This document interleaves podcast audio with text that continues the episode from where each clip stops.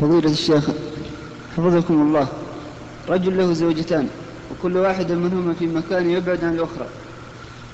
فلا يتسنى له يعني العدل في المبيت. مع العلم أن مقر عمله وتجارته عند إحدى الزوجتين. مما يحتم عليه أن يقضي وقت أطول عند إحداهما دون الأخرى. فيعني هل هو هذا الزوج آثم أم لا؟ ينظر هل الزوجتان راضيتان على هذا الوضع أو لا؟ إن كانتا راضيتين فالأمر واضح. لأن الحق لهما فإذا رضيتا بما يفعل الزوج فلا إشكال. فإن طالبت كل واحدة بحقها من تصحيح الوضع.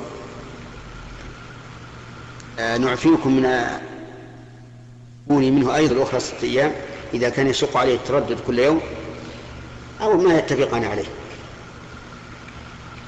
نعم